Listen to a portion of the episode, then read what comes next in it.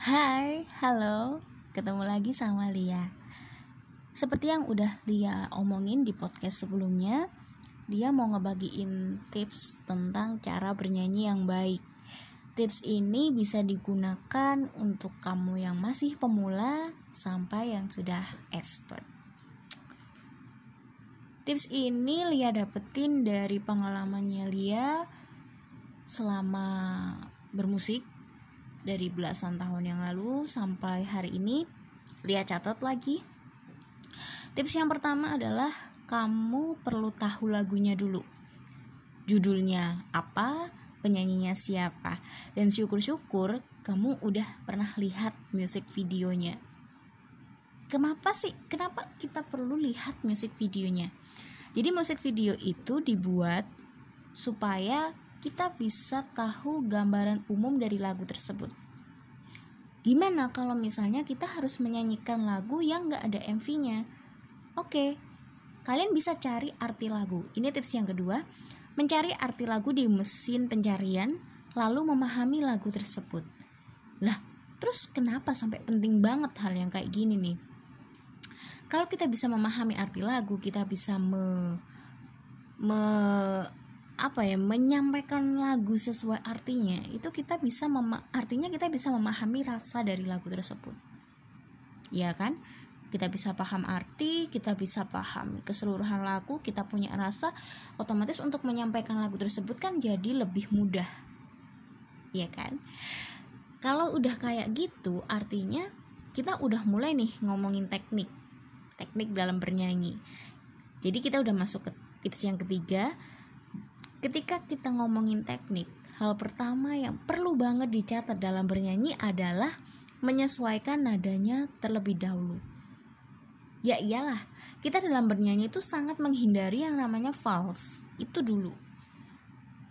Masuknya itu pas atau enggak, nadanya gimana, referennya gimana, nada tingginya gimana, nada rendahnya gimana, penutup dari lagu itu gimana.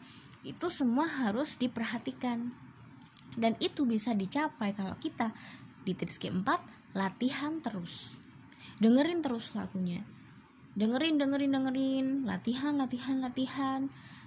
Sampai kita tahu oh ini masuknya lagu kayak gini referennya kayak gini lagunya maksudnya seperti ini kayak gitu. Terus tips yang kelima adalah boleh banget meniru cara bernyanyi penyanyi aslinya ini untuk awal ya buat kamu yang masih belum tahu tentang teknik yang aduh teknik gimana lagi teknik dalam bernyanyi. Nah ini tiru aja cara bernyanyi penyanyi aslinya. Karena ketika kita tahu cara bernyanyi penyanyi aslinya kan kita jadi oh ini loh kalimat di sini itu harus dibawakan begini. Oh nada tingginya tuh disampaikannya seperti ini. Nggak apa-apa bukan berarti kalian membuat suara yang sengaja suara itu dibuat seperti penyanyi aslinya. No, itu nggak boleh. Dan jangan gitu loh. Kenapa kalian nggak pede sama suaranya kalian? Ngomong kayak kalian ngomong gitu loh. Penyanyi seperti kalian berbicara. Kan memang begitu. Ya kan?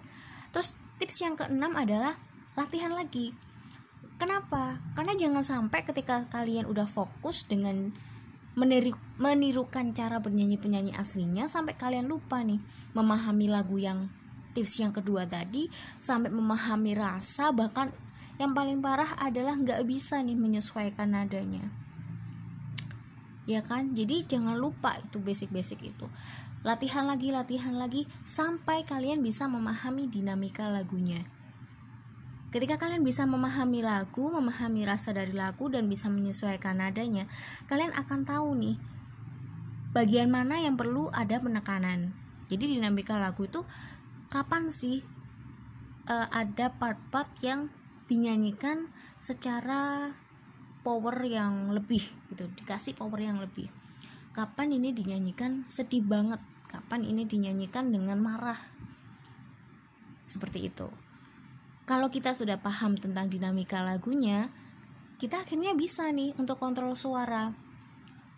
Tiap pernah soalnya dalam akhir uh, dalam waktu akhir-akhir ini sih Lia pernah lihat ada orang yang benar dia sudah paham uh, lagunya nadanya tapi dia nggak bisa nih kontrol suara jadi oke okay, kamu bisa untuk nada tingginya kamu bisa capai nada rendahnya tapi kamu nggak bisa kontrol suaranya. Kalau kamu nggak bisa kontrol suara kamu nggak bisa kontrol mic kamu nggak kasihan sama kita sebagai pendengarnya.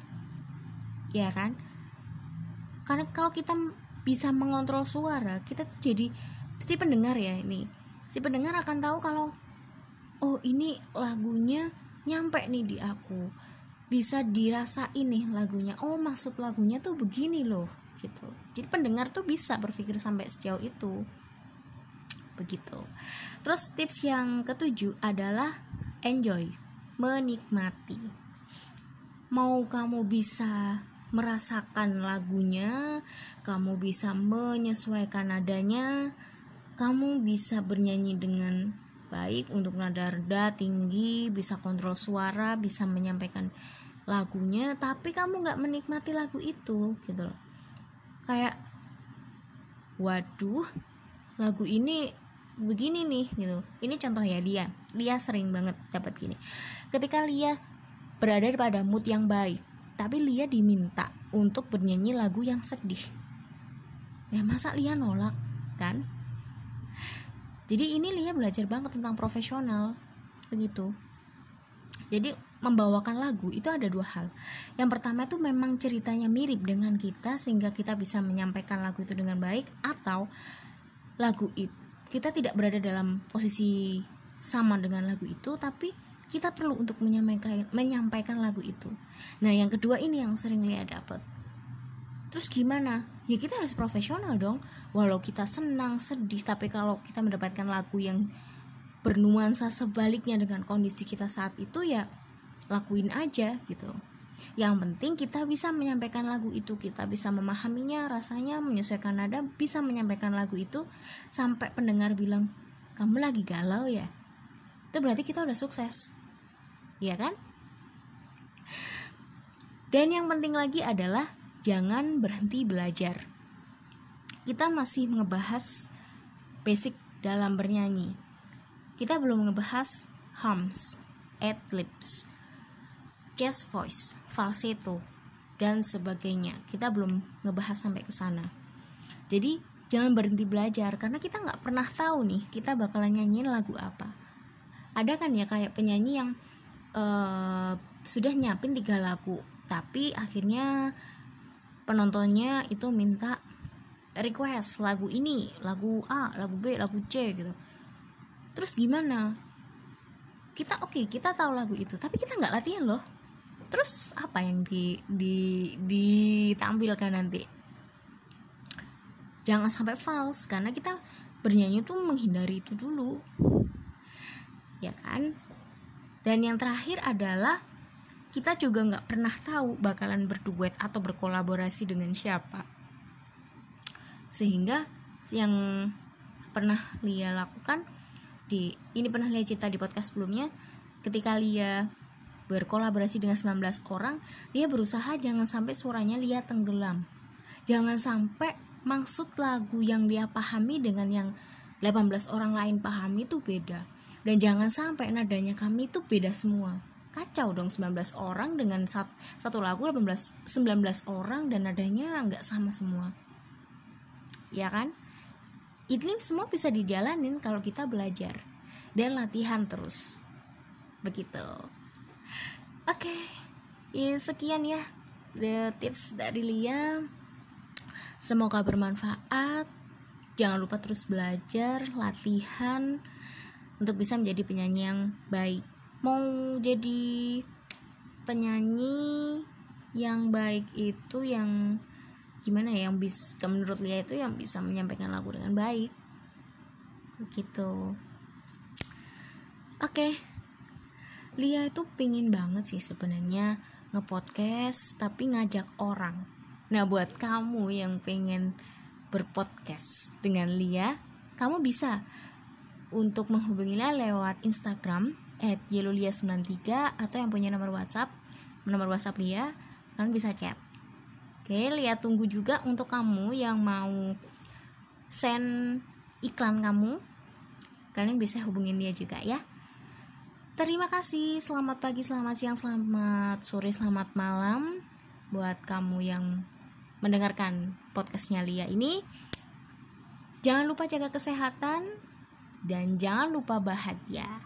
Oke? Okay? goodbye world